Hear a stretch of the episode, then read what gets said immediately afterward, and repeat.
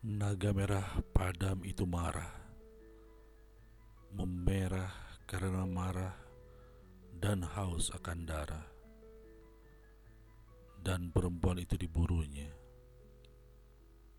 Padahal perempuan itu menang menanggung berat kandungan perutnya. Padahal perempuan itu bergeliat kesakitan hendak melahirkan. Teriak kesakitan tak membuat naga itu terbuai rasa iba. Ia justru makin marah dalam murka yang menyala-nyala. Ia memburu anak itu dan hendak menelannya. Agar habislah sejarah dan peradaban. Agar matilah perempuan. Agar matilah anaknya.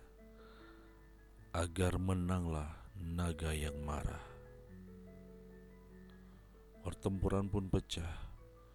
Bertempurlah bala tentara yang gagah melawan sang naga yang haus darah. Suasana menjadi semakin tak terarah.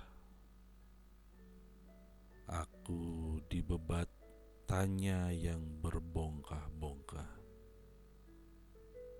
Apa dan siapa yang mengejarku tak kenal lelah? Mengapa aku yang harus kalah?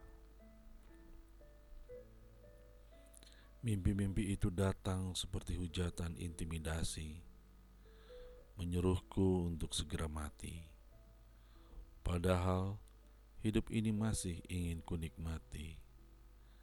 Tetapi apa dayaku insan yang hidup tetap mati. Aku tersiksa mimpi dan mimpi menyiksa hati. Naga merah padam itu menghendaki nyawaku berakhir sampai di sini.